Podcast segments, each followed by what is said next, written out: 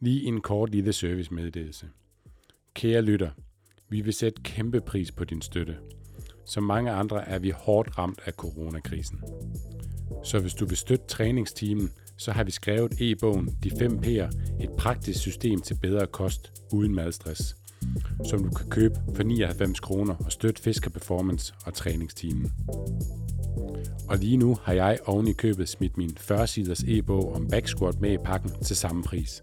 Så du får masser af god viden igen, som tak for din støtte. Du finder link til e-bøgerne øverst på træningstimen.dk under menuen Webshop. Og vi vil sætte kæmpe pris på din hjælp. Men nu til ugens episode. På grund af coronavirus har vi valgt at gengive vores mest populære podcast, nemlig episoden med Act Coach Tine Aerskov. Vi skal tilbage til episode 27, hvor vi blandt andet kommer omkring, hvordan man kan tage handlekraften tilbage på trods af ubehag og uforudsete omstændigheder.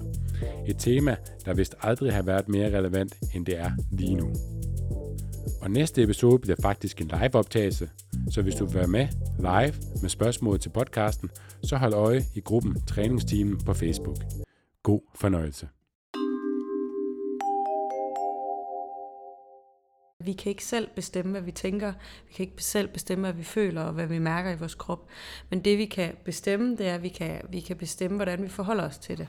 Og hvordan vi er med det. Begynder vi at bekæmpe det, eller øh, lærer vi en anden måde ligesom at udvide vores opmærksomhed, så der er tanker, og der er måske ubehagelige følelser, samtidig med, at vi kan have en retning, vi ønsker at gå i vores liv.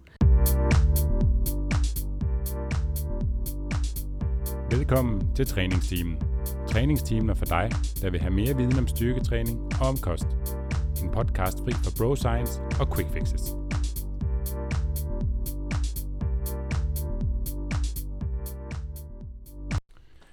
Vi er din værter Steffen Fisker. Og Nikolaj Bak. Jeg er stifter af Fisker Performance og har en bachelor i idræt. Og jeg er træner ved Fisker Performance og har en bachelor i medicin med industriel specialisering. Og i dag skal det handle om motivation, og vi har en gæst med i, øh, ikke i studiet, men på kontoret. Det har vi. Velkommen til dig, Tine. Tak for det. Vi har haft uh, Tine, som uh, underviser i et, uh, i et ACT-kursus, som uh, Tine vil præsentere lige om lidt, hvad, hvad ACT er, i uh, sundheds- og vægttabscoaching, og uh, lige for at uh, fortælle lidt omkring, hvordan jeg har hørt om dig, fordi det var mig, der startede det her kursus for at få dig ind og, og undervise det, så er det, fordi jeg har hørt om dig gennem min kone, mm-hmm. hvor du har undervist hende og nogle andre psykologistuderende. Nu er hun så psykolog i, uh, i et ACT Coach uh, forløb, kalder man det det? Det kan man godt kalde det, ja. ja. Øhm, og, du er en, og hun kunne kun sige gode ting om dig i forhold til, til det her undervisning, i forhold til ACT Coaching og psykologi. Så derfor skulle vi selvfølgelig også have dig ind og undervise vores træner, og have blandt uh, Nikolaj og jeg. Øhm, hvad synes du om kurset, Nikolaj? Jeg synes, det var et rigtig godt kursus. Um, nu kan man sige, det øh, den her ACT-metode, eller hvad vi skal kalde det, ACT, øh, som jeg tænker, du kan fortælle lidt mere om lige om lidt, Tine. Det ja. passer rigtig godt ind i, hvordan jeg personligt arbejder med klienter, og de situationer, som mange af mine klienter står i. Ja. Um, men ja, det kan være, at vi skal gå videre til faktisk at snakke om, hvad, hvad ACT det så rent faktisk er. Ja, fordi det vi kom frem til, grund til, at vi vil gerne have dig ind som underviser til at starte med, er fordi, at øh, det vi er enige om i øh, trænerstaben, det er at vi mangler ikke øh, trænings- og kostredskaber, men mere redskaber til, hvordan vi får vores klienter til at gøre de her ting. Og det var så her, du var eksperten i det, og det skal vi snakke lidt om det. Men lad os starte med, at du lige præsenterer lidt dig selv, Tina. Hvem, hvad er du for en? Ja, øhm, jeg, jeg er sådan en, der øhm, har lidt en, en forskellig, øh, man kan sige, en bred vifte af øhm, kompetencer, kompetencer inden for samtaletræning og kommunikation. Øhm, jeg er uddannet psykoterapeut og coach, og så har jeg en kandidatgrad i pædagogisk antropologi. Og øh, gennem det forløb har jeg specialiseret mig inden for ACT, som øh, står for Acceptance and Commitment Therapy. Og det er kort fortalt en øh, sådan en samtaleretning eller en måde at være i verden på, hvor man har rigtig meget fokus på øh, sådan øh, eksistentialisme, øh, meget sådan med de valg, vi træffer i livet, så har det et element af mindfulness, altså selve det med, hvordan er vi i verden med det, der er, uden nødvendigvis at skulle øh, følge alle de vurderinger og bedømmelser og tanker, som følger med i vores liv, men at kunne stoppe op et øjeblik og kigge på det og træffe valg, som øh, baserer sig på det, der er allermest betydningsfuldt for os i livet. Og den sidste element, det er sådan ligesom traditionel kognitiv psykologi, psykologi som det baserer sig på også. Øhm, og i forhold til sådan øh, fisker performance og det kursus, øh, som vi holdt her, der handlede det jo rigtig meget omkring det her med, hvad sker der for eksempel, når øh, klienter øh, mister motivationen, eller bliver fanget af forestillinger eller fortællinger om, øh, øh, at der er noget, der gør, at de kan ikke nå de mål, de gerne vil, eller de ikke rigtig kan finde ud af, øh, hvorfor var det egentlig, jeg ville det her, eller det er måske slet ikke så vigtigt for mig alligevel. Og så, hvad gør man så, når man står der som træner, og måske har mødt en meget passioneret øh, klient for to måneder siden, som virkelig gerne vil en livsstilsændring, og så lige pludselig, så møder de muren. Mm. Øh, så det kursus har handlet om at give jer og de andre deltagere nogle redskaber til, hvordan møder vi et menneske, der måske er gået lidt i stå, eller er smeltet lidt sammen med nogle, nogle ikke så øh, funktionelle tanker og handlemønstre. Og den situation, tror jeg, stort set alle, øh, der har haft klienter i hænderne, altså blandt personlige trænere og coaches, de kan genkende den situation fra klienter, altså folk, der ligesom møder forhindringer på vejen, øh, og måske har nogle overbevisninger, der holder dem tilbage. Eller jeg tænker også, at rigtig mange lyttere, øh, ikke nødvendigvis folk, der gerne vil have, have vægttab, som blandt andet var noget af det, vi snakkede om på det her kursus, men, men bare generelt kan se sig selv i den her situation med, at man har tabt motivationen, og man kan ikke rigtig komme videre herfra. Så det er, det er lidt det perspektiv, vi skal snakke om i dag med, hvordan, hvordan kommer man videre, når man er gået i stå med sin motivation, og ikke bare kan tage sig sammen, som det er så populært at sige. Jeg mangler bare, øh, jeg mangler ryggrad, jeg skal bare tage mig sammen. Men, men hvor skal man trylle de her ty, eller de her 10 nye øh, viljepoint frem fra? Altså, der skal et eller andet andet til. Og baseret ud fra et uh, ACT-perspektiv.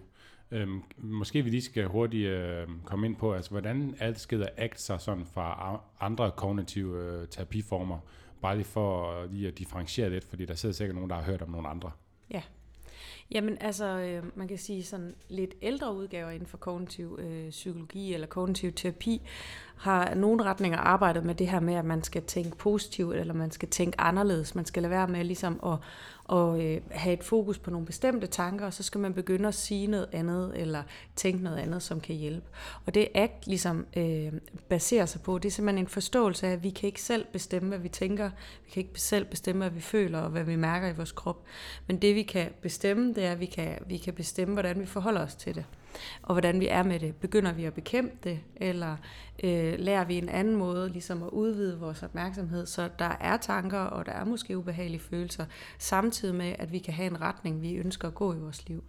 Så der, der baserer ACT sig rigtig meget på værdiarbejde. Altså det her med, hvad er det for et menneske, jeg ønsker at være i verden? Øhm, og hvad er det for nogle ting, jeg vil prioritere, når jeg er sammen med mig selv eller sammen med andre og udfolder mig i det her. Øhm, og det ikke prøver ikke at fjerne tanker eller ændre tanker, men at man kan være i dem og have dem med sig. Lige præcis. Og det er jo, altså, det er jo simpelthen næsten naturstridigt, fordi at, at jeg tror, vi alle sammen kender, når vi har en rigtig ubehagelig tanke, så vil vi gerne have den til at gå væk. Mm. Så hvis jeg siger til, til, til dig, Steffen, jamen du skal da bare beholde den tanke, eller altså du skal ikke skubbe den væk, men du skal selvfølgelig heller ikke øh, fuldstændig svælge dig i den. Altså så, så er det jo klart, at det naturlige er, ah, men jeg vil egentlig hellere have den væk. Øhm, men kan, det, det er så princippet, at det kan man ikke, det er det, at teorien bygger på. Ja, altså i store træk. Det er sådan, at vi, vi mennesker har jo mange kon, vi mennesker har jo mange sådan uh, kontrolstrategier øh, og måder at være i verden på, som, som jo nogle gange virker. Altså man kan sige, der kan være ubehagelige tanker og følelser, som kan være rigtig godt at holde lidt nede for en periode, hvis det ikke ødelægger vores liv, hvis det ikke ødelægger muligheden for at gøre det, der betyder noget. For eksempel, hvis jeg sad til en jobsamtale og blev rigtig nervøs, så var det måske ikke super godt, at jeg sådan, hvad hedder det, øhm, altså ligesom begyndte at undersøge, hvad jeg var nervøs for, og begyndte at se på, at jeg rystede på hænderne, eller fik ondt i maven eller lignende, der er det bedre, at jeg fokuserer på, ligesom, hvad er det, jeg gerne vil nå at sige til den her samtale eller lignende.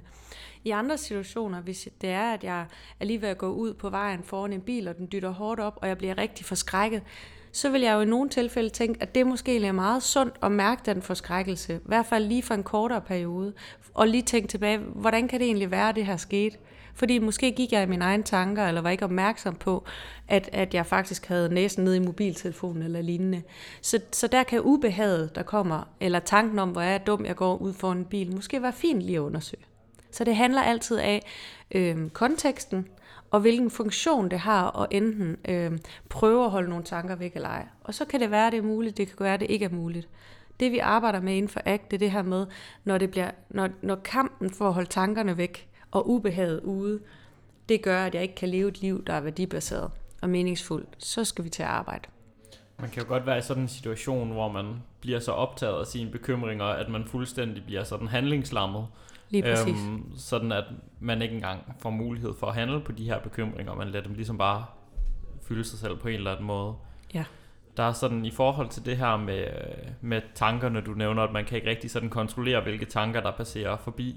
Der er sådan en rigtig fin, synes jeg, øh, analogi i, øh, i ACT, som du snakkede om, med de her, øh, hvor man sådan sammenligner tankerne med tog, der passerer forbi. Hmm. Kunne du tænke dig at, at forklare den? Ja, altså det er jo det er sådan en, en, en klassisk, hvad kan man sige, act-metafor. Nogen bruger tog, nogen bruger biler, nogen bruger cykler, og det, altså det, det er ligesom kort fortalt det her med, at man kan stå og kigge øh, hen på en, et tog på en togstation, og, øh, og så nogle gange, så hopper man på det her tog og kører i en eller anden retning, uden man selv er klar over det. Det kan være i overført betydning, at man er i gang med at planlægge, øh, altså, hvad man skal handle ind til aftensmaden, mens man egentlig sidder på, på, øh, på en café sammen med en god ven, og egentlig gerne vil høre, hvordan det menneske har det. Øh, og så lige pludselig så opdager man, hov, jeg har kørt med toget et godt stykke væk, jeg er slet ikke øh, på perronen mere.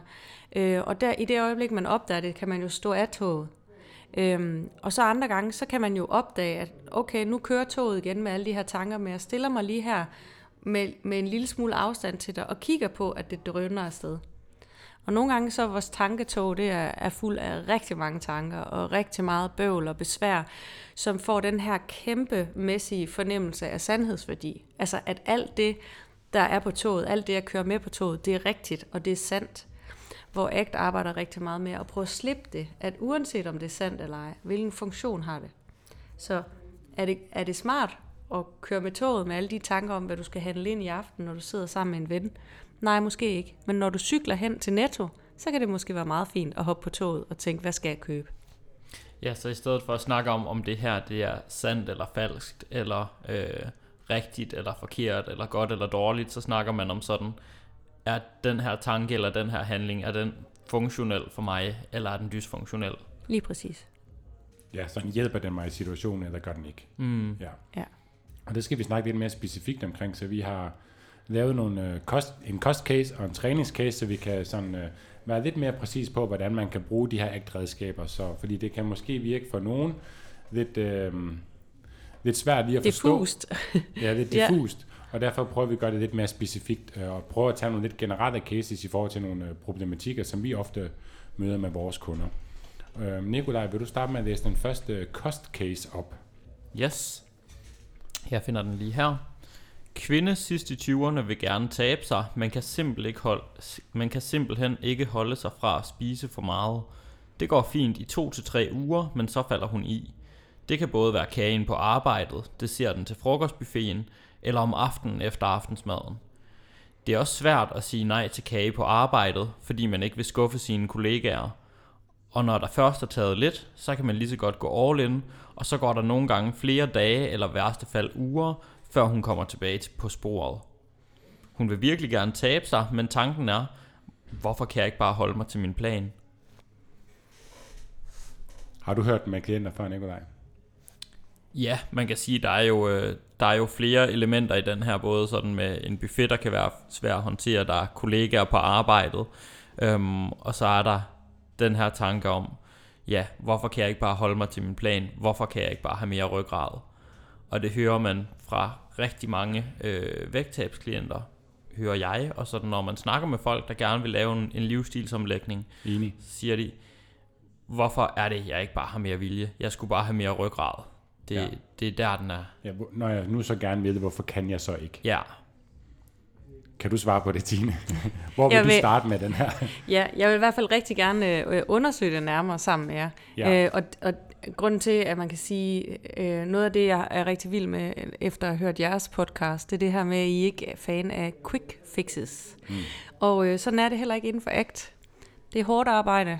Øh, det, det, der er vigtigt at tænke på, det er, at det er oftest endnu mere hårdt ikke at gøre det arbejde, der skal til på sigt. Og det arbejde, jeg tænker, der kunne være øh, rigtig gavnligt i det her tilfælde, det er jo i første omgang at vise interesse for den her person, i, som hvis man nu er personlig træner, at man begynder at vise interesse for, jamen, altså, hvad er der egentlig på spil her? Man spørger ind til de forskellige elementer, som du netop nævner, Nikolaj. Altså det her med, okay, et element er det her med mad på arbejdet. En anden er, at der er nogle tanker omkring, hvad man burde og hvad man ikke burde. Så vi kan jo gå ind forskellige steder. Og jeg Øh, ved, du kommer ikke til at arbejde med løsninger til at starte med, du allerede har en løsning i hovedet, hvor vi skal hen, og det er jo også der, hvor vi træner, vi er, det vi er vant til at arbejde med, så skal vi arbejde med X, Y eller Z, men det er ikke det, du kommer til nu i hvert fald. Nej. Altså, jeg, er, jeg er ret vild med quick fixes øh, generelt, øh, og så på den måde er det også en stor hjælp for mig faktisk at have stiftet bekendtskab med ACT, fordi jeg tror faktisk, vi kan mere med os selv og med hinanden, når vi slipper det og vil et bestemt sted hen. For ofte så er alle de her klienter jo eksperter selv på, hvor de vil hen. Øh, og det er processen derhen, og det er det bøvl, der ligger i vejen for os. Så på en måde kan man forestille sig, at der ligger sådan en kæmpe stor badebold foran en, øh, og, og man vil hele tiden sådan på en eller anden måde udenom den der badebold. Og uanset hvad man gør, så triller den sådan ligesom lidt hen i vejen for en. Og man vil egentlig gerne bare ud i vandet og bade. Og den der store badebold, altså der kan, der kan for nogen opleves som om, at hvis vi først begynder at tale om, alt det her med, at jeg har besvær med mad, og alt det her med, hvad der er for nogle tanker, og nu skuffer jeg kollegaerne, eller hvad synes jeg om min egen vægt, og nu skuffer jeg også min personlige træner, fordi nu kom jeg her med motivation, og nu er jeg bare helt ud af den. Så kan det godt opleves som om, at hvis man skal tage hul på det der, så er det som at stikke en nål i den der badebold, og så eksploderer det hele foran en.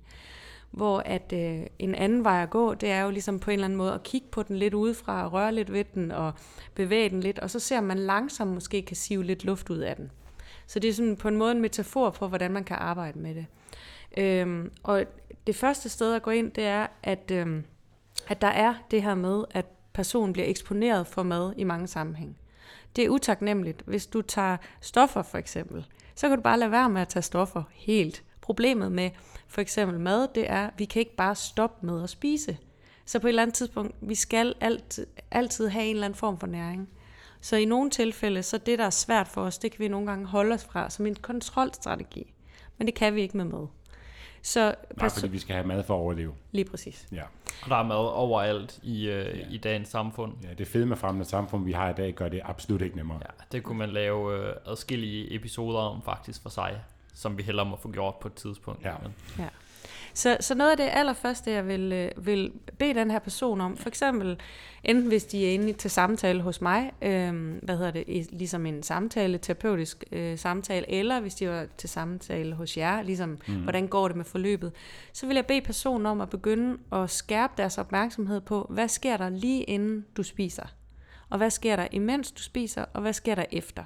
Og nærmest sådan lave dagbog på det.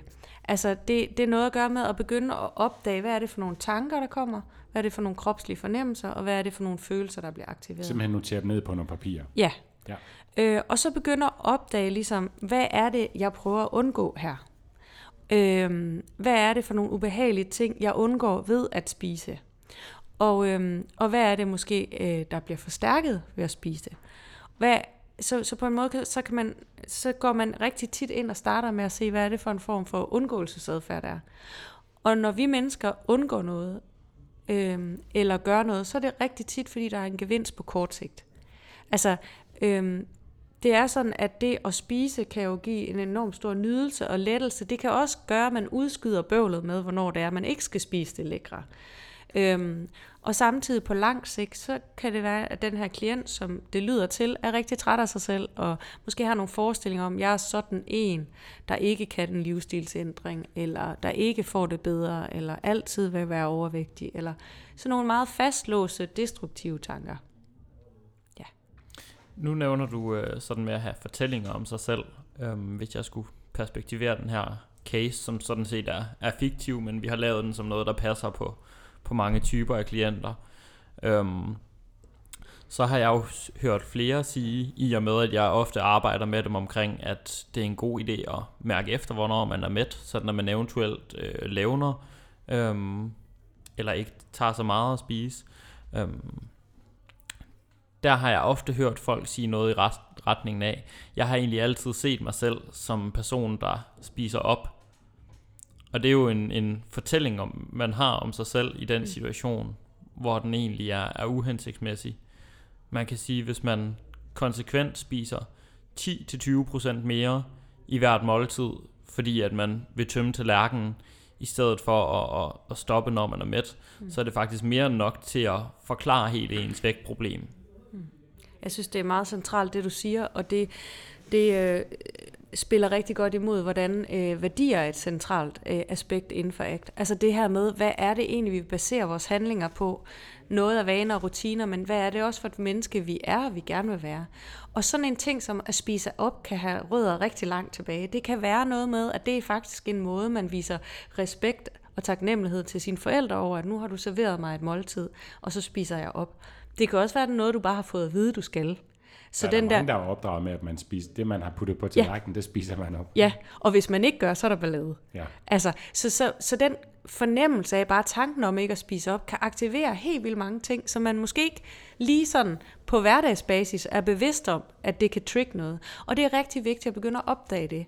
Fordi der kan ligge rigtig meget i det her med at spise op. Jeg er sådan en, der spiser op. Fordi hvis man kan finde ud af, hvad det er for noget, der grundlæggende er betydningsfuldt for en i at spise op eller ikke spise op, så kan man måske være lidt mere fleksibel omkring det. Det er faktisk noget med at værdsætte et måltid, og det er noget med at sige tak for det, man har fået, og ikke lave madspild med den her bæredygtighedstider, vi er i, eller hvad det kan være.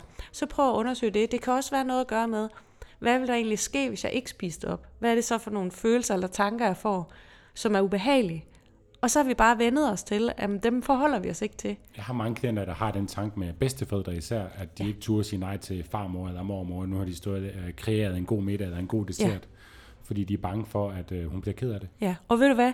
Det kan også godt være, at hun bliver ked af det. Mm. Og, og øh, i den tradition, hvis det er sådan, der har jeg da hørt om mange bedsteforældre, der faktisk bliver personligt truffen, hvis man ikke spiser det, der bliver serveret. Så det gør det jo ekstra svært. Øh, og samtidig så handler det om, på lang sigt, hvad for et menneske vil du være i verden? Mm. Og, øh, og der kan man altså godt vise respekt og omsorg, og, øh, og hvad kan man sige, tydelighed både over for sine bedsteforældre og sig selv, og så sige, jeg værdsætter utrolig meget det mad, du har lavet, og det er rigtig vigtigt for mig, at du ved det, og jeg sidder og nyder det, og samtidig så er jeg i gang med noget, der er enormt vigtigt for mig i mit liv. Og det er at tage, tage vare på mig selv, og gøre noget, der er godt for mig selv. Så lige nu, der øver jeg mig i at mærke, hvornår jeg er midt. Og jeg tror, mange vil kunne acceptere og respektere det fra deres børnebørn også, at, at de er i gang med noget, og det er derfor, de måske ikke spiser så meget, som de hidtil har gjort. Ja. Og ved du hvad, der vil også være bedsteforældre, der ikke forstår det. Selvfølgelig. Og det er noget af det, jeg synes, der er enormt inspirerende ved ACT. Det er det her med, at man, at man, man øver sig i også nogle gange at flytte fokuset fra, hvad vil jeg have ud af det over ved den anden, til, hvad er vigtigt for mig. Så hvis jeg for eksempel i en samtale med dig, Steffen, siger noget, som jeg godt kunne tænke mig, du gjorde, så kan det godt være, at du ikke vil gøre det. Men måden, jeg har bedt dig om det på, eller fortalt, at det betyder noget for mig, så kan jeg faktisk godt gå derfra den samtale og føle mig ordentlig, og ikke føle nødvendigvis, at der er et brud i relationen, eller jeg er utilfreds på et større plan, fordi jeg har kommet med en anmodning eller en invitation til noget. Mm. Og du har haft din frie ret til at sige ja eller nej. Men så har jeg taget et aktivt valg, om jeg spiser den jordbærkage eller ej. Ja. Og så har man det forhåbentlig bedre, end man havde det før, fordi før var det dårlig samvittighed, nu gør ja. jeg det aktivt, fordi det, ja det, det vil jeg gerne gøre for min farmor. Ja, og der er jo en, endnu en klokke, der ringer, det her med at spise med god eller dårlig samvittighed. Fordi det er jo også et tema, som, som er rigtig oplagt. Det er det her med, at, at, man, at nogle mennesker ikke kan tillade sig at spise noget, der i mangens forstand bliver defineret som usundt. Mm. Fordi det er forkert, for eksempel. Og, og man kan sige, der er det jo igen også den måde at tænke om mad, gør det dig, altså på lang sigt eller på kort sigt, Altså hjælper det dig så med at få det liv, du ønsker? Og det er hele tiden med at sige noget er forkert. Altså det er lidt ligesom, at vi har den fra Anders Sand med en djævel på den ene skud øh, og en engel på den anden. Altså det er lidt som om, at der sidder hele tiden en og fortæller en, det må du ikke, og det er forkert, og, og du er dårlig, og du er dum. Til sidst så kan man begynde at tro på det, og lytte på det, og det kan fylde rigtig meget i, hvordan man styrer sin adfærd. Mm. Man kan også perspektivere det lidt i forhold til den her case, vi snakkede om, med at, at der er en værdi om, at, eller hun siger, at hun vil ikke skuffe dine kollegaer, så der er en værdi om at være en god kollega der. Ja. Øhm, hvor at der er sådan overbevisning, der, der fylder om, at hvis hun takker nej tak til den her kage, at så vil hun mm. være en dårlig kollega. Ja. Men man kan også være fleksibel omkring de her Lige værdier, præcis. og sige, hvordan vil jeg ellers kunne være en, en god kollega? Mm. Man kunne også prøve at træde et skridt tilbage og se, om det her det egentlig er en overbevisning, hun har om sig selv, og, mm. og prøve at tænke, hvad vil jeg tænke om en person, der nu sagde nej tak til kage på arbejdet? Ja. Øhm, og så vil man tit opleve sådan lidt, har jeg i hvert fald oplevet med klienter i sådan lignende situationer her, at, at så svarer de noget vidt andet, end det de egentlig tænker om sig selv, fordi at de ikke vil tænke sådan om andre, der sagde det samme. Og man behøver ikke at sige øh, nej til kagen hver gang. Det kan nej. også være en start, der bare gør det hver tredje gang. Ja, og der er jo også et element med den her case, hvor der ligesom bliver lidt den her fortælling af, at hvis jeg først har taget et stykke kage, så kan det være lige meget, eller mm. så kan jeg lige så godt tage et stykke kage mere. Det ligger også nogle gange i det. Og det er jo igen det her med, så laver vi nogle historier eller nogle fortællinger, at hvis jeg er lidt dårlig eller lidt forkert, så er jeg enormt meget dårlig og forkert. Og det er der rigtig mange, der kender til. Og det er rigtig godt at, at øh, lære og træne det her med at lige at stoppe op, og så sige, kan jeg bruge den her tanke til noget? Ja. Altså nu har jeg faktisk taget et lille stykke kage, og jeg har ikke taget et stort stykke kage. Hvad synes jeg om det? Og så kan det godt være, at det nogle gange føles nærmest sværere at sige nej til kage nummer to, end hvis man ikke har taget noget. Mm. Og hvordan vil man så være i det? Så det er jo også noget med at sætte sig selv en tilpas mængde af udfordringer. Altså det her med at gå fra at måske have spist godt og sødt hele sit liv, og så sige, nu skal jeg ikke have noget. Mm. Altså en kold tyrker, det vil for nogen gøre, at, at så falder de i efter et par uger. Og det gør man. Lige præcis. Ja, det Fordi det, også. altså, det er dejligt med et stykke kage. Altså for og vi kan mange. også lige punktere det, at det, det er faktisk ikke lige meget, om man fortsætter eller stopper. Det er altid bedre at stoppe før eller siden, end at fortsætte. Ja. Fordi der, det gør selvfølgelig en forskel, om man spiser 300 kalorier for meget, eller man spiser 3000 kalorier for meget. Ja. Det kan godt være, at det stadigvæk er kalorier overskud, men det gør en væsentlig forskel i forhold til, hvor meget man tager på. Ja, og det er jo lidt interessant. Der er et eller andet mærkeligt med, med, ved menneskets natur, at på en eller anden måde så... Øh, altså, tanker om dårligdom og udulighed kalder ligesom på vennerne. Altså, så kommer også den med utilstrækkelighed, og den med ensomhed, og den med bøvl. Og, altså, det, det er tit, at hvis vi først ligesom får, bliver hugget af en af de her overbevisninger, så kalder de på alle de andre. Mm. Og der er sådan en rigtig, øh, rigtig fin metafor inden for ACT, som hedder dæmoner i båden, som ligesom handler om, at vi kan være ude og sejle, og vi står ved roret, og vi vil rigtig gerne sejle hen i retning af en anden livsstil og en sundere øh, madvaner for eksempel.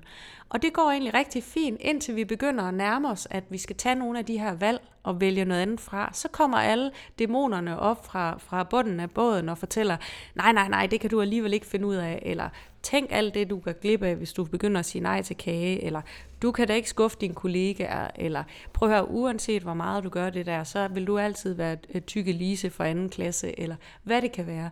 Og så bliver mange mennesker ofte meget overvældet af alt det her, så de skynder jo sig at gøre alt, hvad de kan for de, for de her ubehagelige tanker og følelser ned igen. Altså få dæmonerne godt ned under dækket. Og så sejler de i den retning, som alle de her tanker og følelser ligesom vil have en til så man kommer væk fra det. Så det ender med, at man styrer sit liv efter at undgå ubehag, og så derefter måske leve det liv, man gerne vil. Frem for at sige, jeg vil leve det liv, jeg gerne vil, samtidig med, at alle de her dæmoner og banditter og trælse ting og sager råber og skriger mig ind i hovedet. Og det er jo en anden måde at være i verden på, end hvad der sådan lidt mere naturligt ligger til os. Og forhåbentlig fylder de mindre med tiden. Det er lidt det, der er tanken. Forhåbentlig. For ja. nogle mennesker vil det på en eller anden måde altid følge med dem, og det er jo enormt bøvlet. Og samtidig så er det noget at gøre med, at, at så har vi på samme tid måske lært at udvide vores opmærksomhed, så der kan være andre ting, der også fylder.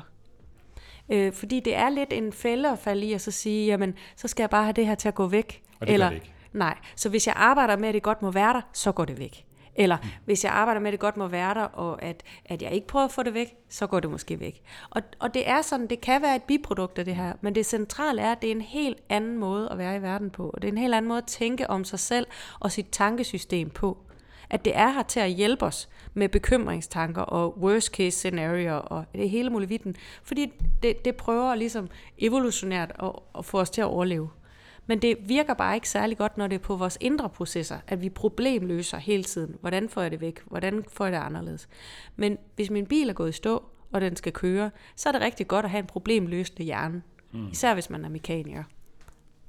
Men hvis vi lige skal prøve at samle op på, nu var der noget med, at hun, hende, hun spiste lidt på arbejdet, og så var der desserten til frokostbuffeten, og så var der noget efter aftensmaden.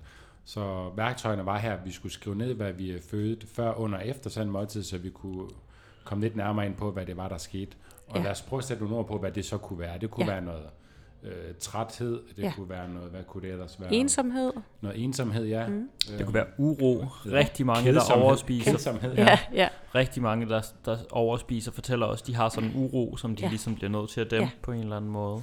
Og et, og et godt eksempel i forhold til helt konkret uro, det vil jo så være, at, at den her person måske rigtig tit er vant til at holde uroen nede eller få den væk. Og det her, det handler så om at opdage, ud fra de her dagbogsskrivninger, okay, den uro er her så. Hvad, hvis man skulle prøve at undersøge den uro, og nærmest forstærke den, eller gå på opdagelse i den, hvordan vil den så være? Så man begynder at kigge på uroen, og være nysgerrig på den, som et fænomen, ligesom at man har købt et ny ugeblad, eller, eller man går ind i en butik og kigger på tøj eller lignende. Så kigger man på den her uro for at undersøge den, i stedet for at skubbe den væk. Og det gør nogle gange, at man har en anden opmærksomhed for den, og at den ikke tager hele ens fokus, så man kan opleve uroen, og så kan man stadig træffe valg ved at have den kage, eller ved at ikke have den kage, mens der er uro. Og om jeg vil have kagen eller ej, det kan man så beslutte måske ud fra et mål, man har lavet, eller et delmål, med at det er så så mange gange om ugen, jeg vil spise et stykke kage, eller øh, i de og de sammenhænge er det okay, eller er det ikke okay for mig. Eller undersøge, om noget andet kan fjerne uroen i samme, på samme måde, som mad ja. kan gøre. Ja. Nogle gange så er det sådan, at, at uro kan også opstå, hvis det er noget, vi mangler, og det ikke nødvendigvis er noget forkert eller noget dårligt.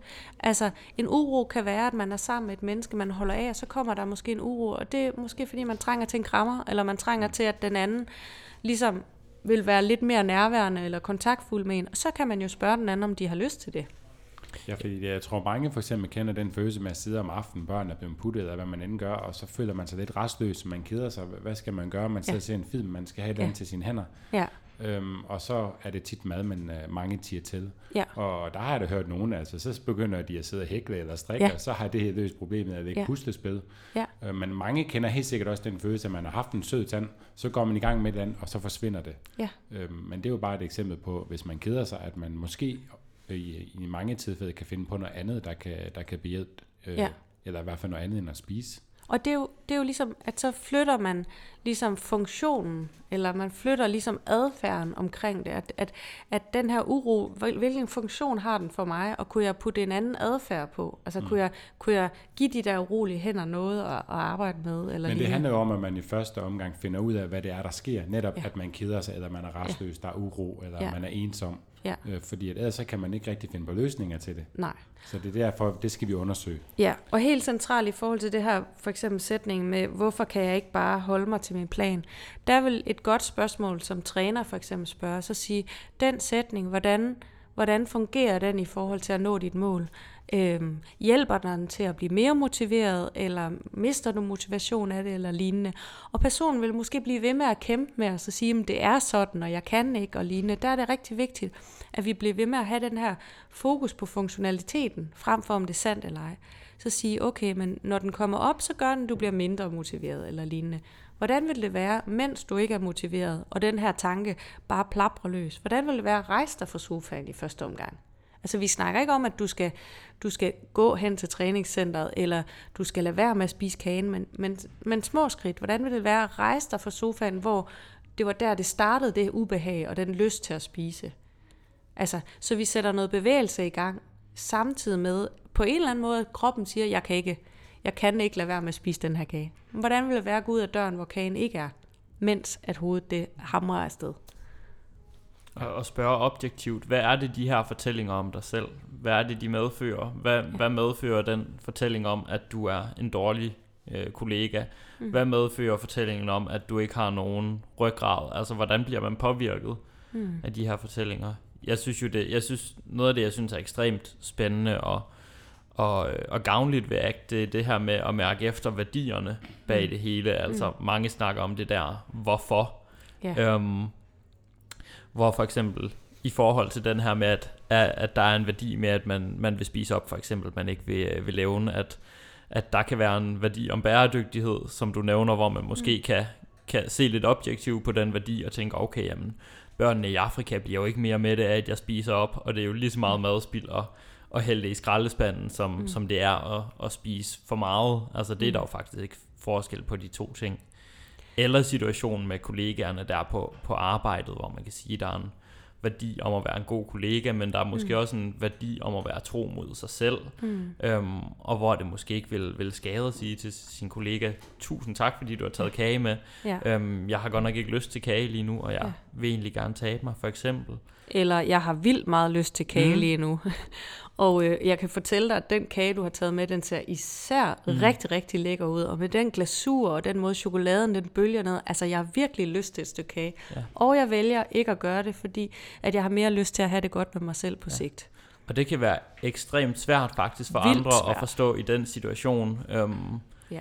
Jeg har mange klienter, der har oplevet, hvis de har takket nej til kage flere gange på arbejdet, og så siger de, ja tak en dag, ja. fordi nu har de faktisk lyst. Ja. Så får de den der skudt i hovedet med, nå, er du ikke på kur længere, eller ja. hvad er det, der foregår, hvor det ja. egentlig bare...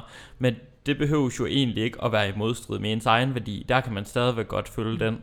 Og selv hvis det er, så er det også vigtigt at huske på, at, at hvis vi har en plan eller et mål om noget, så kommer vi til at falde i. Og det, ja. det må vi også bare være realistiske omkring, at ja. vi kommer til at falde i. Ja. Vi kommer ikke til at køre det perfekt fra dag i dag, og så de næste år. Og der vil aldrig være en plan, du laver, som alle folk ude i omverdenen vil bakke dig op omkring. Nej. Der vil altid være nogen, der har en mening og en holdning, og gerne også noget lidt kritiserende. En onkel, der er lidt småfortørnet over noget, eller en mormor, der bliver ked af det eller lignende. Mm. Ligesom vi har alle de her kritiske tanker og følelser og kropslige fornemmelser indeni, så er den ydre verden også fuld af modstand og kritik ja. og lignende. Det er ikke nemt. Og for nogle mennesker har, der er jo nogen, de har aldrig rigtig sagt nej til kage. Altså de ved ikke, hvordan måske det føles at sige nej. Så det er ikke noget med, at det nødvendigvis kun er svært for dem. Det er faktisk også fuldstændig ukendt territorie.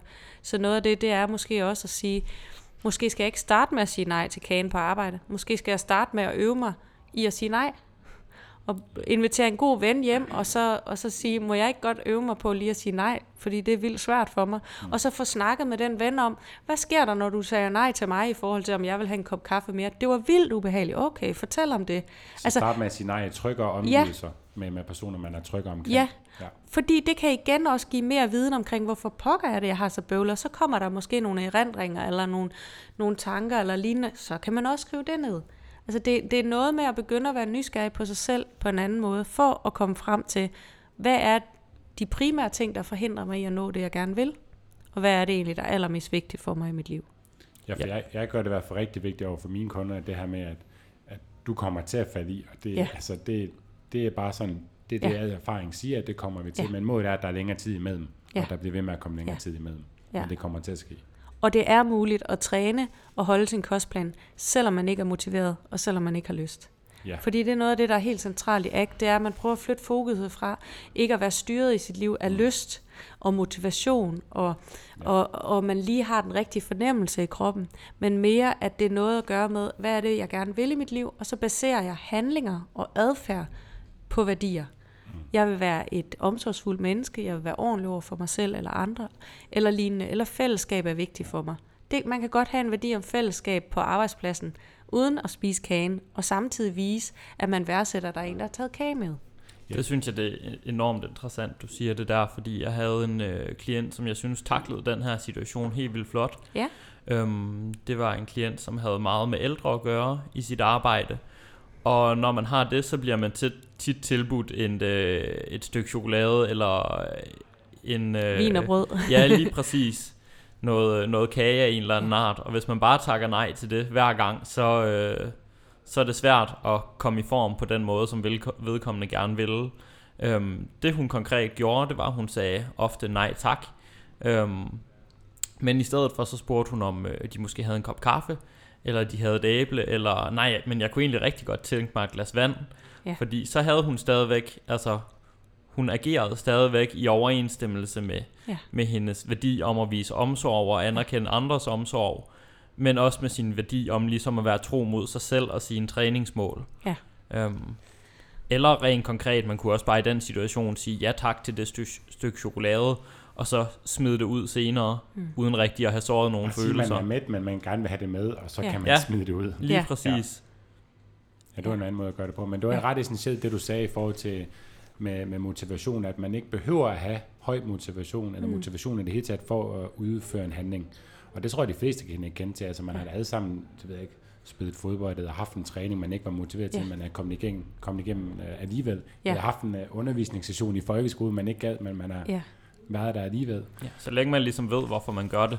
Ja, lige præcis. Ja.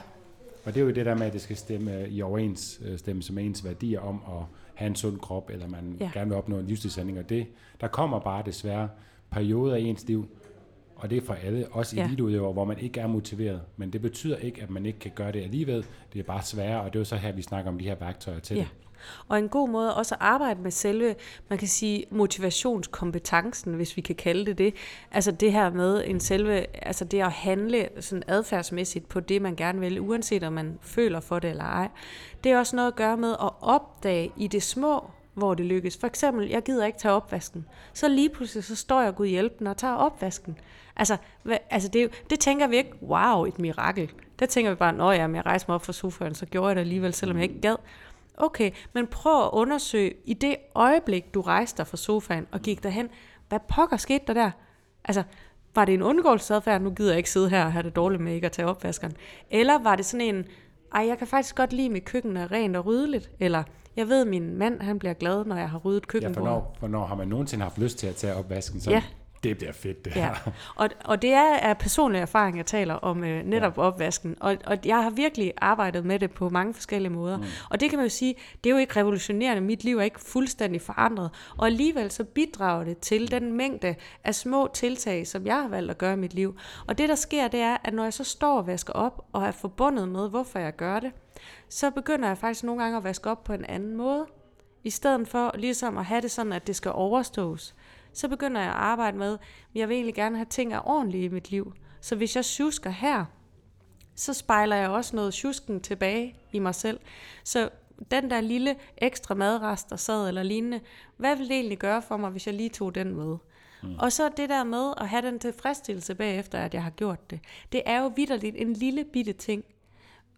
Det vigtige er bare, at hvis vi ikke kan motivere os til noget stort, så er, det, så er det ikke så godt at blive ved med at stå der og hamre hovedet mod en mur og blive ved med at synes, det skal vi. Så skal vi skifte perspektiv. Vi skal prøve at se, om vi kan være mere fleksibel og tage en anden indgangsvinkel. Mm.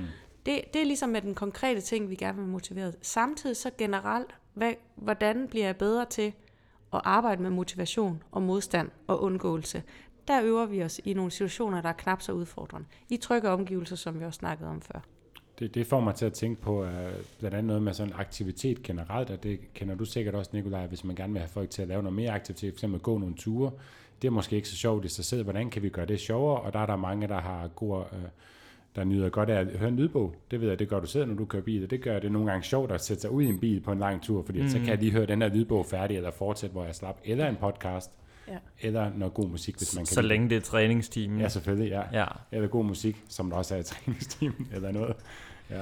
Vi laver en træningsteam rap snart. Ja, vi, vi er ved at få udarbejdet en ny jingle. Nej, nu tager det et sidespor. Det ja. synes Ja. jeg, der er et herligt tidsspor. Men det kan være, at vi snart... Skulle du til at sige noget, Nikolaj? eller? Nej, det var egentlig bare det her med at kombinere sådan uh, not nice ting med lidt nicere ting. Altså, Ja. jeg, jeg hører også podcast, mens jeg øh, vasker op, for eksempel.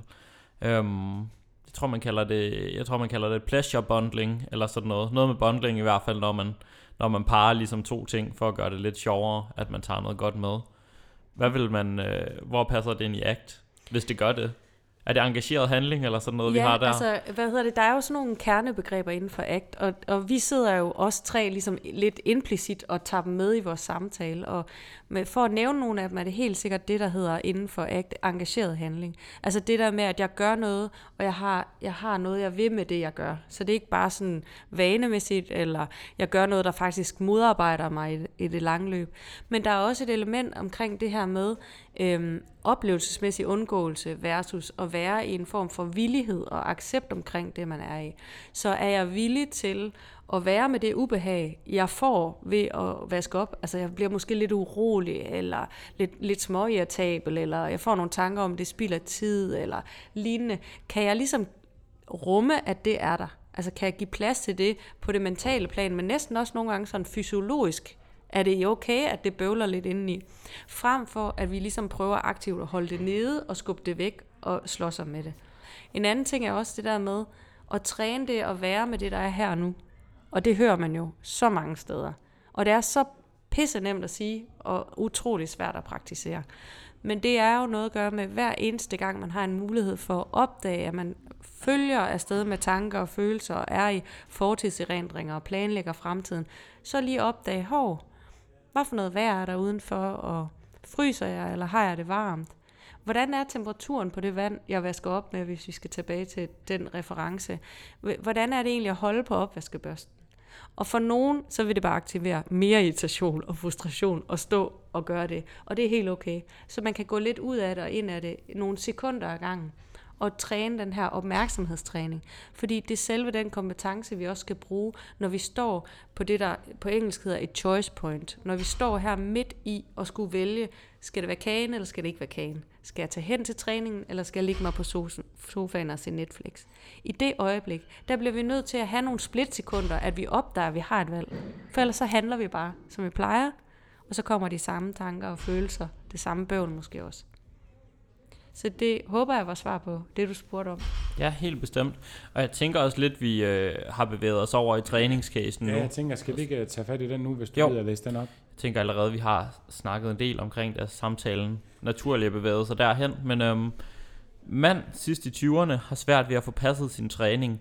Han har tidligere og i mange år trænet 4-5 gange om ugen, men har i øjeblikket bare ikke motivationen til at komme afsted. Sofaen krammer alt for hårdt fast på en dejlig måde. Det lyder dejligt. Ja.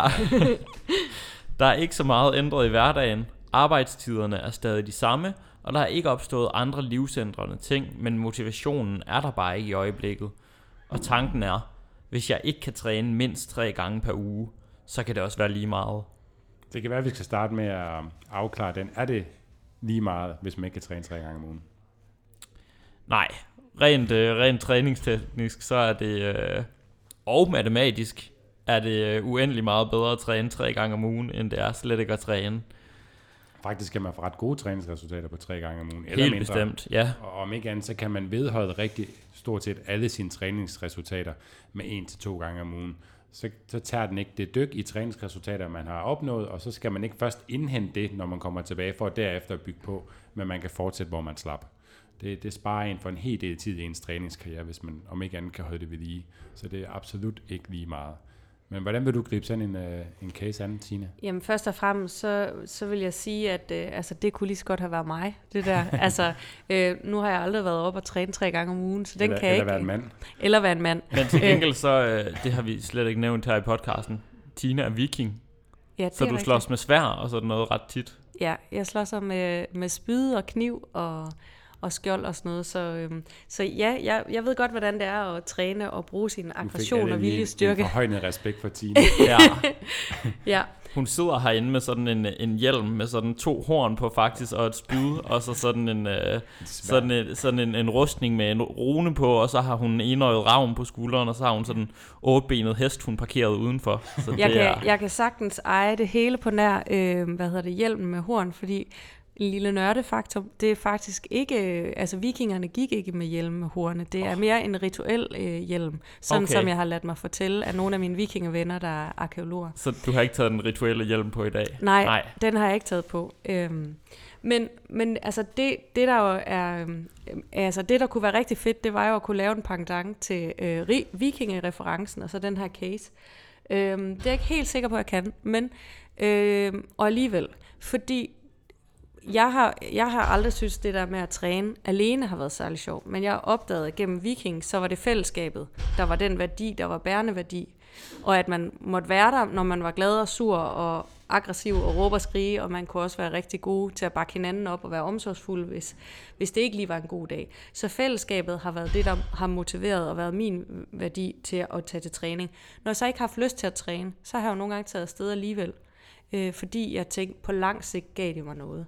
Og nogle gange har jeg taget ned til træning, og ladt være med at træne. Men så har jeg været der øh, for fællesskabets skyld, og så har der været nogen, der ligesom har været hen og prikke til mig, eller sagt, du er da bare så skide god, vi mangler dig ude i kampen, eller et eller andet. Og så er jeg blevet spejlet i det. Så, så det er jo et, et konkret eksempel på, hvordan altså en indgangsvinkel er. Jeg kender mange, der har startet et livsstilsforløb, som har valgt en makker. Altså, jeg kender to rigtig skønne øh, vikingegutter, som begge to er øh, lidt godt i stand, og de har simpelthen startet et træningsforløb sammen. Så de, hver gang de træner, så træner de sammen.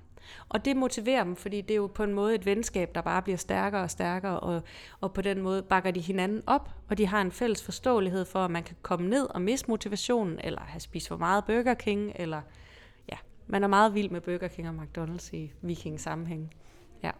Så i forhold til at tage reference tilbage til ham her manden, så, øh, så skri- skriver vi jo ligesom det her med, at der ikke er nogen store livsstilsændringer. Og den tror jeg alligevel, jeg vil være nysgerrig på. Fordi det kan godt være, at der ikke er nogen store livsstilsændringer, men måske er der sket en ændring alligevel. Og det kan være på tankemæssig plan, at personen er begyndt at have andre tanker, eller tænke anderledes omkring sin træning. For eksempel så kan det være, at tilfældigheden har været, at personen ikke har, har kommet hen og trænet de gange, han plejer, og så har han fået en ny erfaring eller en ny oplevelse ved ikke at have trænet. Noget han måske ikke kunne lide, eller noget han godt kunne lide, eller det gav en umiddelbar gevinst at ligge sig på sofaen og fandt ud af, der kommer ikke nogen efter mig, når jeg ikke gør det, jeg plejer. Og jeg kommer heller ikke selv efter mig. Det kan jo være, være måske meget rart, hvis man har været rigtig god til at piske sig selv afsted tre gange om ugen, og lige pludselig opdager, mm, det gør jeg ikke mere.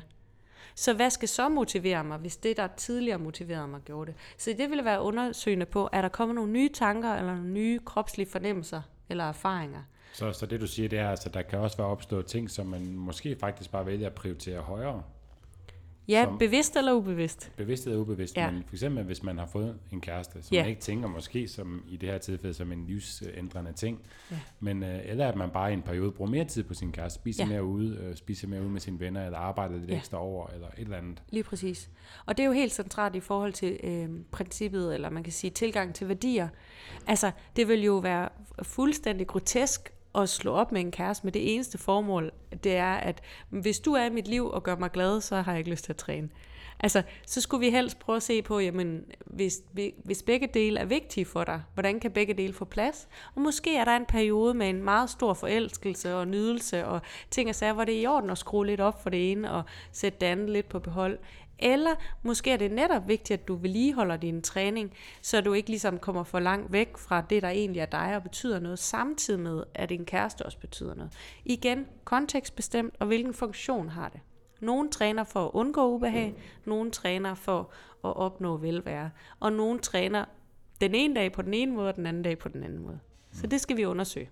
Så det er et element af den case, som jeg har har tænkt over. Jeg tænker, et andet element i den her case øh, er vel også at finde ud af, hvor det er, det, man stopper fra at tage afsted.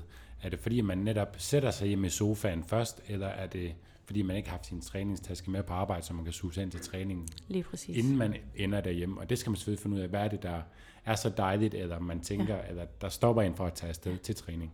Og nogle gange så er det sådan, så måske har man levet i en familie, hvor der har været træning, eller man har gået på en skole, øh, fodboldskole, øh, og så har man taget på en efterskole eller en højskole, hvor der også har været sport, og det har bare altid lagt naturligt. Og så er man i en anden setting, hvor man lige pludselig ikke behøves i gåsetegn at gøre det, eller være på samme måde, så har man måske aldrig rigtig reflekteret over, hvorfor er det, træning er vigtigt for mig.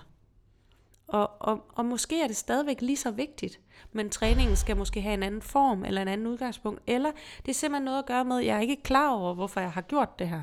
Men det betyder jo ikke, at det ikke er reflekteret eller ikke er vigtigt for en. Så det kunne også være måske at spørge ham, Altså, hvornår startede du med at træne? Og Så man lige zoner lidt ind på, Ja. hvorfor det er, det er vigtigt, Ja. hvis man ikke lige, lige har det top of mind. Det er farligt, hvis, hvis øh, hele ens træning baserer på, jeg er sådan en, der træner tre gange om ugen. Mm. Fordi hvem er jeg så, hvis jeg ikke er det? Så er jeg ham, der ikke træner tre gange om ugen. Altså, det er det der med, at vi nogle gange kan være meget sådan, komme til at lave koncepter omkring os selv. Altså, identitet kan man kalde det, men altså inden for X snakker man meget om det her med, at man har et koncept omkring sig selv. At jeg er altid sådan her, eller jeg er sådan en. Det bliver meget sårbart, hvis der sker noget i ens liv, et skift eller en ændring, hvor det lige pludselig ikke er muligt at være sådan. Og der er det rigtig vigtigt at trække tilbage til værdien, hvad for en menneske ønsker at være fra i dag af og fremadrettet. Jeg tænker, der kan jo også være det i det, at en værdi måske bare er helt ændret. Altså det kan Mm. jo også være, at han er kommet et sted hen, hvor træningen ikke rigtig betyder lige så meget for ham mere, eller at han hellere vil lave en anden form for træning. Ja. At det kunne være, at han vil ud og slås med rundskjold og spyd eller et eller andet. velkommen. Ja. Eller det, det kan være, som du siger, at han måske er smeltet sammen med den her om, jamen, øh, jeg er ham, der er mega dedikeret og træner 4-5 gange om ugen. Mm. Øhm, vi kan, jo, vi kan jo alle sammen være enige om, at det er mere populært og, og sexet eller sejt eller hvad, at være ham der eller hende der, der spiser sundt og træner et par gange om ugen. Så det er også en udfordring, hvis man aktivt skal vælge en anden livsstil.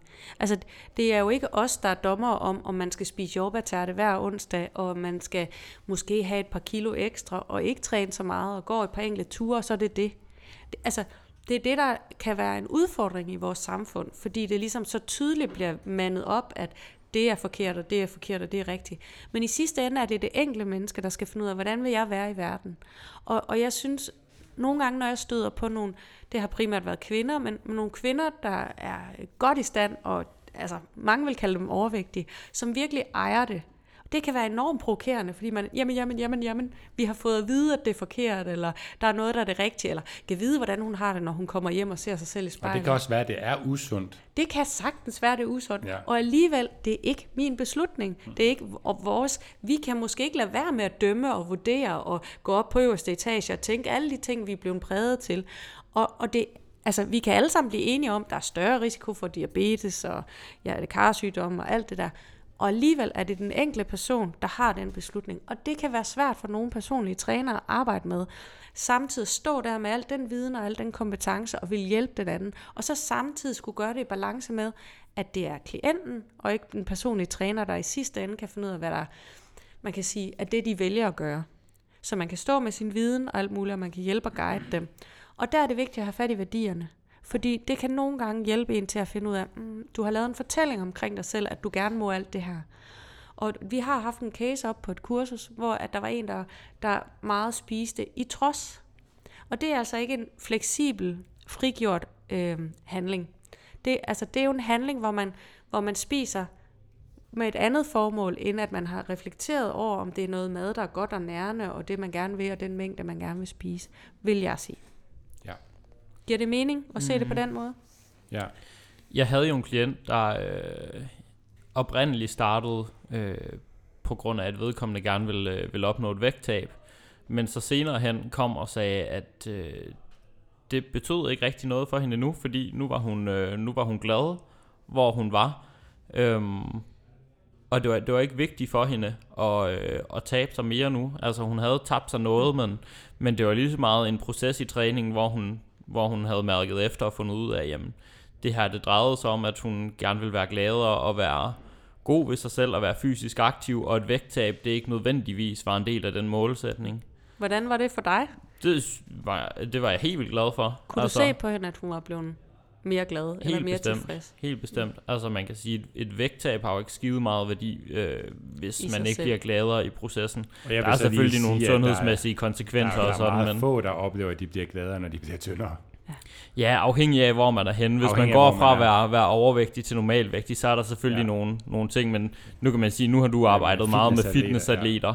Øhm, De går fra normal vægt til rigtig tynd sceneform, og de får det tværtimod bare værre med sig selv. ja, Ja. Ja. I, I langt største del og det er selvfølgelig en del af gamet. Og jeg tænker faktisk også med dem, at der, at der netop er meget omkring den her fortælling med, med hvor man er. Øhm, og det må du meget gerne byde ind på, eller, eller hvem man er, hvor at, at der er mange af dem, har jeg hørt, der ligesom, der ligesom får sådan en tomrum efter scenen, fordi hvem er man lige pludselig nu, mm. når man er ude af det her meget intense forløb, hvor al din intensitet har, har drejet sig om at skulle på scenen. Ja, det handler om, at man at nu er den, der er i rigtig skarp form, og man, øh, man lige har været på scenen og måske vundet Danmarksmesterskabet, whatever, og så går man tilbage til at se alt andet end lige så markeret ud. Og så går man jo tilbage til noget dårligere i deres øh, i, mm. i gåsøjne, i deres optik, og så er det bare rigtig, rigtig svært at være i. Og det er der, det er rigtig, rigtig vigtigt at udvide sit perspektiv. Altså, og der vil jeg især sige, hvis man støtter nogen, der er i sådan et forløb, så er det at, at minde dem undervejs i, jeg ved godt, hele dit fokus er på det her, og dit liv er større end det. Mm. Og der er andre ting. Og det kan være rigtig svært, fordi hvis du skal nå et mål, så kan det være godt at skubbe alt andet til side for en kortere periode. Men hvis vi skal arbejde med at hjælpe folk helskinnet igennem det, og også på lang sigt, der er også noget u- efter Danmarksmesterskabet. Så det er jo noget med at udvide fokuset, at ja, nu har du ikke den form eller det udseende, som du har haft, og du er måske ikke lige så tilfreds. Hvad har du så Altså ja, i stedet for mere, eller man er mere end det som menneske, det er det, du siger. Ja, ja. Og, og, og, og man skal også passe på, vi skal ikke gøre det forkert af de tanker. At hvis, jeg, hvis, hvis nu vi tager en person, som, jamen jeg har ikke de samme muskler, jeg ser ikke lige så godt ud og lækker ud, det er jo helt i orden. Det må man jo gerne. Det er jo ikke sådan, ej, slap af, du er stadigvæk langt over gennemsnittet. Det kan vi ikke bruge til noget. Det vi kan bruge til noget, det er, at personen kunne godt lide det, de så der. Mm. Det må gerne være der. Og det skal vi holde let og omsorgsfuldt, samtidig med, at vi så siger, så hvad er så grunden til, at du ikke ser sådan ud nu?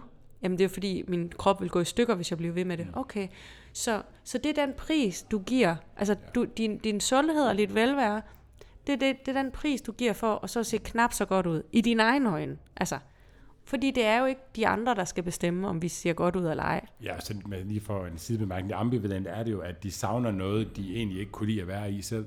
Ja. Altså, de havde det jo heller ikke lige så godt dengang, og så alligevel så vil de gerne derhen igen, men de havde det dårligere, hvilket er lidt underligt. Ja, og ved du hvad, jeg tror, det er meget mere almindeligt, end hvad, hvad, ja. hvad man måske egentlig kan sige, fordi rigtig, rigtig mange mennesker, inklusive mig selv jo selvfølgelig, vi kan nogle gange komme til at jagte lidt en forestilling af, hvis bare eller hvis når, mm. at det her det sker. Ja, når så, jeg har tabt 5 kilo, så har ja. jeg det godt, så er jeg glad. Eller efter den her rengøring, så hygger jeg mig, eller hvis jeg flytter til et bedre hus, eller øh, på onsdag, når min kæreste han har færre arbejdstimer, eller, eller, eller.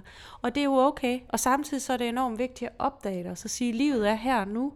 Og det kan være rigtig svært at stå med begge fødder plantet i det, mens alt det her suser omkring os. Mm. Det kan være farligt nogle gange at være for fokuseret på fortiden eller fremtiden, fordi vores hænder og fødder, de er i nuet, og det er det, vi skal bruge til at gribe ud efter det, vi gerne vil have, og skubbe det væk, vi ikke vil have. Ja. I relation til det, Nikolaj sagde, så fik det mig til at tænke på, at jeg har mange klienter, der også oplever, at de resultater, de troede, de ønskede, øh, har de fundet ud af, at de ikke længere er villige til at gøre den indsats øh, til, der skal, for at opnå de resultater. Og ja. så har, er det et aktivt valg, og så er de glade egentlig, hvor de er, selvom ja. de måske kun har tabt et halvt kilo. Ja. Men fordi hele deres mindset er ændret sig. Og hvad gør I så som, altså som personlig træner? Hvad gør du så i det forløb for at hjælpe dem bedst muligt? Er det at lave om på træningsplanen, eller er det at... så er de jo, altså hvis altså, det er, de er nået til, så er de jo nået til et sted, hvor de uh, træner, fordi de synes, det er mega fedt, og de ja. har det godt med deres krop. Så ja. skal jeg jo ikke gøre så meget nyt, Nej. andet end at hvad det der, selvfølgelig støtte dem op omkring, at stadigvæk fortsætte med at gøre deres træning sjov, ja. imod det, de så end ønsker det, om det uh, at kunne løfte tungere, eller ja, ja. et eller andet løb længere, et eller andet, ja. Jeg kan huske noget, du på et tidspunkt sagde omkring det her med, hvor, hvor meget relationen nogle gange betyder i personlig træning, og den her, altså det, den empatiske element i det. Og, og jeg tænker, at det er jo også et rigtig vigtigt aspekt. Nu har vi snakket meget om, hvordan man kan arbejde med klienterne. Mm. Øh, et andet element er jo også, hvordan man arbejder med sig selv, øh, og lader sig inspirere af som personlig træner. Og det kan jo være, at selvom man ikke eksplicit har snakket med sine klienter om, hvorfor de er der, så begynder at lægge mærke til det. Læg mærke til, hvad er det for nogle signaler, jeg får til, at virker det til, at de er her for træningens skyld, eller for relationens skyld? Hvor virker det til, at de, at de godt kunne tænke noget opbakning eller hjælp for mig, og hvor er de egentlig selvkørende? Og hvad aktiverer det i mig? Altså, nogle gange kan vi jo godt blive provokeret af nogle af dem, vi arbejder med, fordi de vælger en helt anden livsstil, og andre gange kan vi blive inspireret. Ja. Og ACT kan jo så også bruges på den måde, at man kan træne selv, ligesom stå med opvasken, og så sige lige det øjeblik, hvor, hvor, hvor en klient måske siger, at du synes nok også bare, at jeg er dårlig til at træne. Hvad er det første, man har lyst til at sige? Nej, nej, nej, nej, det skal nok gå igen, eller op på hesten. Men hvad vil der ske at så sige, åh, oh, jeg træder lige et skridt tilbage, og lader klienten have deres egen oplevelse, mm. Uden jeg tager den fra dem. Og så siger okay, så du står her med mig, og vi træner, og så får du den her tanke, der hedder, at nej, nej, nej, nu står du og skuffer mig, og du er dårlig til at træne. Hold op. Altså, hvad gjorde det lige ved din motivation? At mm. den fangede dig? Eller at øh, så, var det, så var det den, der bestemte, hvordan dagen skulle være, eller lignende. Ja. Det er et andet perspektiv at tage. Og, og det er jo ikke, fordi vi ikke må sige, hvad det gør ved Så i os. stedet for at prøve at drosle det ned, så stille nysgerrige spørgsmål til, hvorfor den tanke er der, Ja. eller hvordan, hvad den gør for en. Tryk pause, og så sige, Ja. ja. hold da op, der skete der lige noget, der var anderledes end alt det andet. Mm. Du sad lige der på motionscyklen, og så pludselig, så, altså, det, du så helt anderledes ud i ansigtet. Hvad skete der lige der? Ja. Jeg tænker bare, jeg når aldrig i mål. Okay, jamen hvis jeg tænkte det, så ville jeg godt nok også miste min mm. motivation. Eller nærmere, hvis jeg tænkte det og gav det lov til at være styrende for mig. Ja. Det der er problemet, det er at tit, så kan vi slås lidt med, at det er alle de negative følelser og tanker, der skal væk, og så de, de positive, de skal boostes. Og i ACT, så er det faktisk godt at holde begge dele lidt let. Mm. At nogle dage synes jeg, jeg er mega god og cool, og andre dage synes jeg er udulig. Men de dage, hvor jeg tænker, at jeg er mega cool, der kan det også være godt at have en let opmærksomhed på, at det kan godt skifte igen. Og det er ikke det, der skal være bærende for, hvordan jeg er i verden. Det er, gør jeg lige nu noget, som er betydningsfuldt for mig, uanset om det er let eller svært. Mm. Men lige for at køre det lidt mere ned til noget lavpraktisk i forhold til den her træningscase med motivation, så, så ved jeg ikke, om øh, du har nogle lavpraktiske værktøjer, du arbejder med med dine klienter, Nicolaj. Jeg kan lige nævne mit til at starte med. Det er, at hvis man har et, øh, en værdi og et mål om at træne, lad os sige, tre gange om ugen i en, en periode, hvor man ellers ikke er særlig motiveret, så viser forskning også, at det gør det nemmere og mere holdbart at sætte øh, præcise dage og tidspunkter af til at gøre det.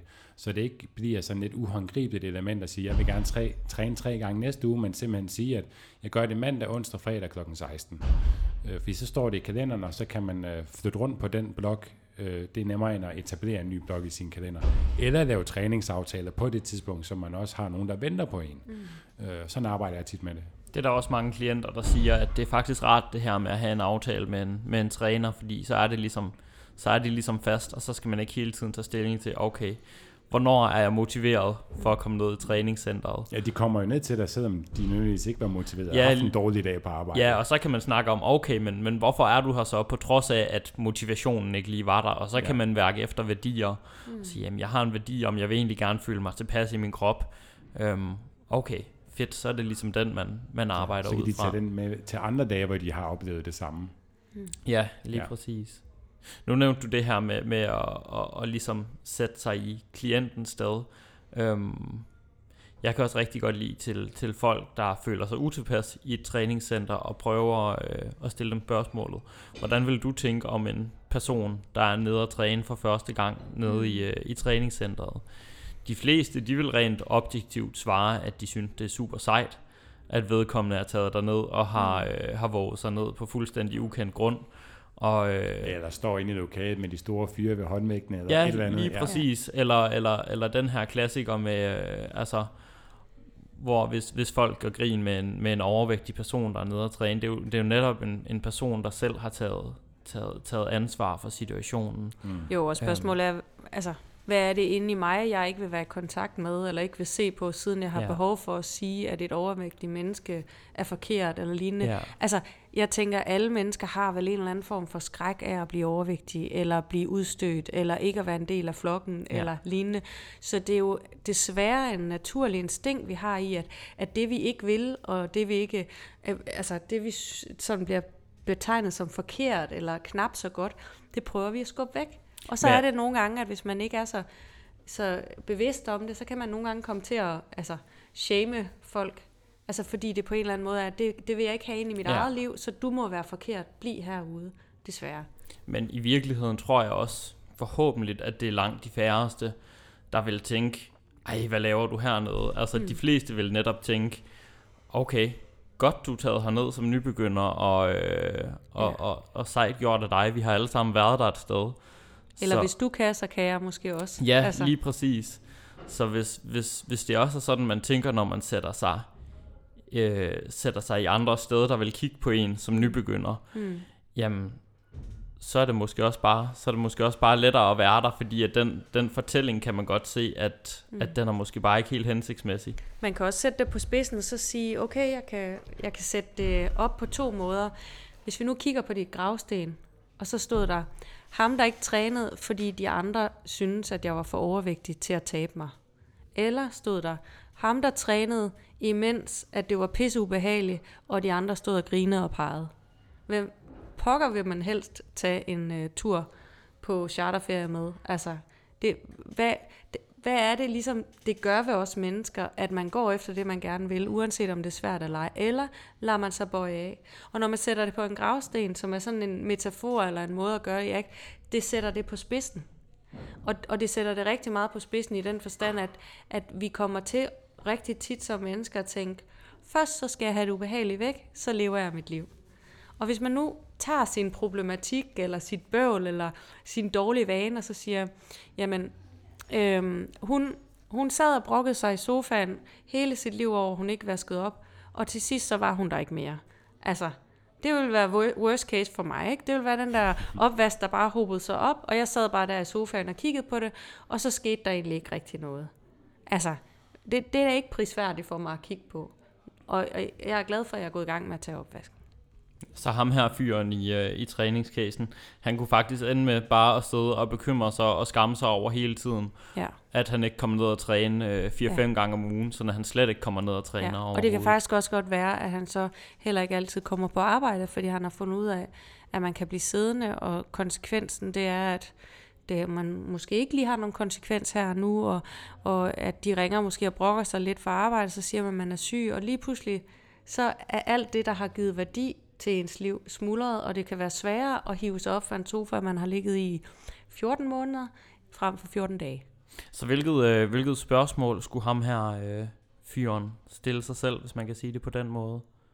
Altså, jeg, jeg, jeg hænger mig ved den her sætning med, at hvis jeg ikke kan træne mindst tre gange per uge, så kan det også være lige meget. Så, så tror jeg, jeg vil lege lidt med det til at starte med. Hvis jeg for eksempel var en personlig træner, så vil jeg sige, hvem vil du være, hvis du, hvis du kun trænede en gang om ugen? Altså, hvem vil du være som menneske? Og prøv at høre om, hvad det er for nogle stereotyper eller fortællinger, han har om sig selv. Eller, øh, hvad vil der ske, hvis du ikke trænede i tre uger, og så startede igen? Og så ligesom prøve at se, om man kunne lytte ind på, hvad det er for nogle fortællinger, han har om sig selv. Og, øh, og så ligesom sige, okay, men, men hvad vil der ske, hvis du altså, tog den her sætning, altså skrev den ned på et stykke papir, puttede den i lommen og tog den med op og mødtes med mig på onsdag, hvor vi skal træne sammen så prøv virkelig at have hånden på, på lappen hele vejen, du går herop. Ikke noget med, hvis du lige pludselig får lyst til at komme herop, og så glemme lappen. Nej, bliv ved med nærmest sådan rådyrke den og forstærke den, og mærk, hold det op. Altså, jeg er ikke noget godt menneske, med mindre jeg træner mere end tre gange om ugen. Bare forstærk den og forstør den, og så se, hvad der sker. Hvad er det for nogle nisser, der er i skabet? Og hvad er det, der trigger det? Og så når han kommer derop, som vi håber, han gør, så ville man kunne sige, okay, hvad pokker fik dig til at rejse dig op fra sofaen? Jamen, jeg havde jo en aftale med dig. Ja, men den kunne du vel aflyse, ligesom du havde en aftale med dig selv, eller hvad? Hvad skete der der? Så snakker man om, hvad det er for en engageret handling, han har gjort, som han ikke har været klar over. Og begynder at lave en reference til, at man kan godt have de her tanker og følelser, mens man gør noget andet. Det vil være en måde at arbejde på. Men ingen quick fixes. Man må prøve Og ingen hurtige løsninger. Ingen hurtig løsning. Det er meget arbejde med sig selv. Altså det er jo sådan, at nogle gange inden for ACT, så sker der noget, noget pudsigt, og så øh, tror man, man skal have nogen i et længerevarende forløb, og så en enkelt samtale, det Men kan gøre nok. Men intention er ikke en hurtig løsning. Nej. nej. Det er jo ikke fordi, der er noget galt ved, at noget det bliver hu- nej, hurtigt nej, løst. Nej, nej. Det, er bare, det er bare sjældent, det sådan Men det sker i den virkelige verden. Der kommer, en, der kommer en klient ind, og man prøver bare at give dem øh, otte Men, idéer til, hvad de kan lave, og så ja. prøver vi dem. Hvis og det, er det, ikke, det er jo heller ikke nødvendigvis, fordi han skulle stille det her spørgsmål til en træner, eller vi skulle stille det som træner. Det kan jo også bare være, være lyttere, der selv sidder derude i den her situation, og har svært ved at, at træne lige så meget, som de har gjort tidligere. Og så er det også noget, man bare kan, kan spørge sig selv om, og, mm. og smage på det spørgsmål, og, og værdierne bag det. Ja. Og det, der er jo også et element omkring det her med, hvad vil, du, hvad vil du sige til din ven, hvis din ven tænkte det her? Ikke? Altså det er jo også sådan det der med at skifte perspektiv. Øh, og man kan også gøre det der med, at hvis man sidder derhjemme og arbejder med det, så ligesom tænke, hvis nu, at det var mennesker, alle de tanker, jeg havde, og man kunne line dem op foran, så sidder der måske 10, 12, 15 mennesker af de der mest typiske tanker, vi har. Jeg kommer aldrig afsted, eller øh, jeg får ikke trænet, som jeg gerne vil, eller lignende. Forestiller det personer. Så det naturlige, naturligt, vi vil gøre, hvis det var personer, så vi begynde at argumentere. ej, sige, Paul derovre, som siger, at jeg ikke kommer afsted, ikke også, øh, ej, det er altså ikke rigtigt, nu, nu kommer jeg afsted, eller den anden, der siger, ej, det er også okay at ligge på, sofaen og se Netflix, hold nu op med at være efter dig selv, ikke? så begynder vi at gå i dialog med det, og vi begynder at, be- at slås med det, og give dem ret eller ikke ret. Og det er en del af problemet. Fordi hvad gør vi, når vi diskuterer med 10, 15, 20, 30 mennesker? Så er vores fulde opmærksomhed der, og vores fødder er ikke i gang med at flytte os hen til træningslokalet. Nej, så er man helt handlingslammet igen. Fuldstændig, man er helt opslugt og ting og sager. Det er derfor, det kan være godt at bruge de her redskaber, som hedder defusionsredskaber inden for ACT, at man ligesom tager et skridt tilbage fra tankerne. Ikke for at få tankerne væk, men for at komme til sig selv i det der tankekaos, og så sige, hvad vil jeg med de her tanker? Kan jeg bruge dem til noget, eller er de i vejen? Og hvad er det egentlig, jeg gerne vil, imens de tonser afsted, toget kører ud af? Og det kan vel også være sådan at trække sig lidt væk fra situationen. Jeg tænker, der, der er forskel på, at han stiller sig selv det her spørgsmål. Øh, har jeg lyst til at tage op og træne nu? At han stiller sig selv det sidst på dagen, hvor han sidder i sofaen og er i den her situation. Ja. Kontra at han gør det måske først på dagen om morgenen, siger, okay, har jeg lyst til at tage ned og træne nu inden arbejde? Det kan godt være, der vil være et andet, andet svar og en anden følelse i ham mm. på det tidspunkt. Det kan faktisk også være rigtig anstrengende hele tiden at skulle spørge sig selv, om man har lyst eller ikke lyst. Fordi lyst, ikke også, det er lige så utaknemmeligt og uforudsigeligt som en eller anden løsluppen hund, der ikke har været til agility-træning, ikke også. Det er ikke til at holde styr på. Altså, sådan er det med vores følelser. De kommer og går. Vi kan være super lykkelige. Vi kan stå til en eller anden forlovelsesreception med vores bedste venner og tænke, nej, alt er fantastisk, ikke også? Og så træder ham der øh, skoleklassekammeraten ind, ikke også? Ham der, der altid havde drillet ind og hævet ind i håret. Ja, Steffen. Ja, jeg troede ikke, vi skulle nævne navn, men ja, Steffen. Ja. Og så er det jo bare sådan, at, at hele den der forlovelsesfest, ikke også, det bliver bare, at man, man tænker bare, hvornår kan jeg komme væk herfra og ham der, og jeg vil ikke have noget med at gøre, ikke også. Og man var jo i omgivelser, der var helt fantastisk. Så en lille trigger, det kan også være, at champagne ikke smager, som man synes, og så synes man, at man skal aflyse hele brylluppet eller lignende. Vi kan ikke styre det, hvad der dukker op, men vi kan styre, hvordan vi handler ud fra det. Jeg tænker, at vi skal til at lige så stille måske at runde af. Der, er der noget, der skal samles op på? Øh, er der noget, der, du tænker, der er vigtigt at få sagt her til sidst, øh, Tina, man skal tage Jamen, med? ja, altså, ja, vi, har jo, vi har jo kommet vidt omkring og sagt utrolig mange ting, som man kan gå hjem og øve sig på eller ej.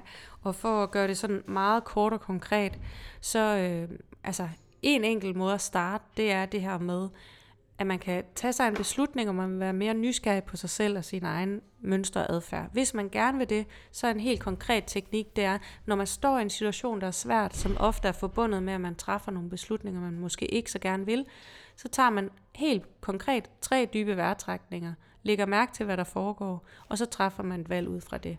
Det betyder ikke, at man begynder nødvendigvis at træffe nye beslutninger, men det, begynder, det betyder, at man træner evnen til at være i ubehaget, bare et lille øjeblik, og man bruger kroppen som anker til at være i det.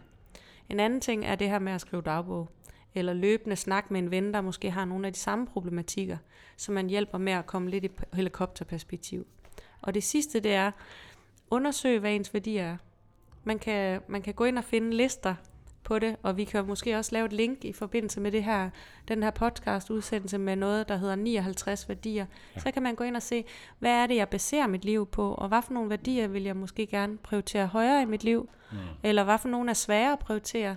Og så måske sætte sig med en ven, eller en kæreste, eller, eller en kollega, eller et eller andet, og så snakke ud fra, hvad er mine værdier, hvad er dine? Det er rigtig godt at gøre i, som, som dialog. Også den der begravelsestale ting til ja. at finde ind til værdier. Kan hvis du man lige gerne, hurtigt nævne ja, den? Ja. altså det er jo en af mine yndlings. Ja. hvis, man, hvis man er lidt mere... Det lyder lidt morbidt. Ja, hvis man er lidt ja. mere øh, hands-on, og, og øh, måske ikke starter på første trin af at opleve egen øh, undgåelse og ubehag, men man godt kan håndtere og mærke, ligesom når det bider lidt, så skal man forestille sig, at man er død, og så er der øh, øh, to taler. Den ene tale, det er, at for eksempel en god ven eller en familiemedlem fortæller om, at hvad for et menneske du var, at du levede efter dine værdier, og hvad du opnåede, og hvordan du var at være sammen med. Det betyder ikke, at man altid lykkes og kommer i mål med det, man gerne vil, men at man havde forsøgt at leve efter det. Og hvad det så var for nogle værdier. Ja, lige præcis. Og den anden, det er, at personen levede et liv, hvor det var undgåelse og kontrolstrategier og ubehag, der styrede deres adfærd og deres handlinger. For eksempel, personen var egentlig øh, meget optaget sat på at være omsorgsfuld og hjælpende til familiearrangementer. Men personen kom aldrig, fordi de var mere optaget af, at øh, de ikke havde fået strøget den rigtige skjorte, eller at haven skulle luse. Sådan noget. Ja. Den kan man lege rigtig meget med. Ja. Ja. Og her til sidst, uh, Tine, hvor kan man læse mere om dig, eller hvis man tænker, at uh, dig vil jeg gerne have hjælp fra, hvordan kan man så få fat på dig? Ja, altså øh, det er øh, på nuværende tiden, tidspunkt ret beskeden, det er, at man øh, går ind på Facebook, og så skriver man psykoterapeut Aerskov. Og så er der øh, hvad hedder det, lidt forskellige informationer om mig, og kort fortalt, hvad det er, jeg arbejder med. Det smider vi et link til øh, i artiklen, og, og måske også øh, LinkedIn kan man måske også fange dig Det på. kan man også, Ja. der er jeg også, ja. Det laver vi også lige et link til. Og så måske også et link til et sted, hvor man kan læse lidt mere om, øh, om ACT, Ja. hvis man synes, det er spændende. Helt ja. sikkert. Det vil være en god idé. Tusind tak for snakken, Tina. Tak fordi du kom. Ja, tak fordi jeg måtte. Tak det var fordi en du fornøjelse. komme på besøg. Ja, Det var det- dejligt at have dig i studiet. Kontoret. Kontoret, det er det samme lige nu. Et studiekontor. Lige præcis. Tak for i dag. Og det var så afslutningen på denne episode. Hvis du gerne vil læse mere om træningsteamen og om det enkelte afsnit, så kan du klikke ind på træningsteamen.dk. Og hvis du har spørgsmål til den enkelte episode, eller har forslag til emner, vi kan tage op i en fremtidig episode, så har vi oprettet en Facebook-gruppe, som du kan tilmelde dig. Facebook-gruppen hedder Træningsteamen, og jeg håber, at du vil være med. Og hvis du kunne lide den her episode og gerne vil have flere episoder fra os, så vil vi sætte stor pris på en god anmeldelse i din podcast-app. For det er ingen hemmelighed, at vi laver den her episode for netop dig derude, og vi tjener faktisk rigtig lidt penge ved at lave podcast. Faktisk ingen penge. Så måden du kan hjælpe os på er ved at dele vores podcast og anmelde den, så vi kan få vores podcast ud til så mange som muligt og forhåbentlig hjælpe dem. Og det er netop derfor, vi gør det her. Hvis du gerne vil læse mere om Fisker Performance og hvad vi ellers foretager os, så kan du følge os på både Facebook og på Instagram under navnet Fisker Performance. Og så er der vist ikke andet end at sige tak fordi du lyttede med. Vi høres ved.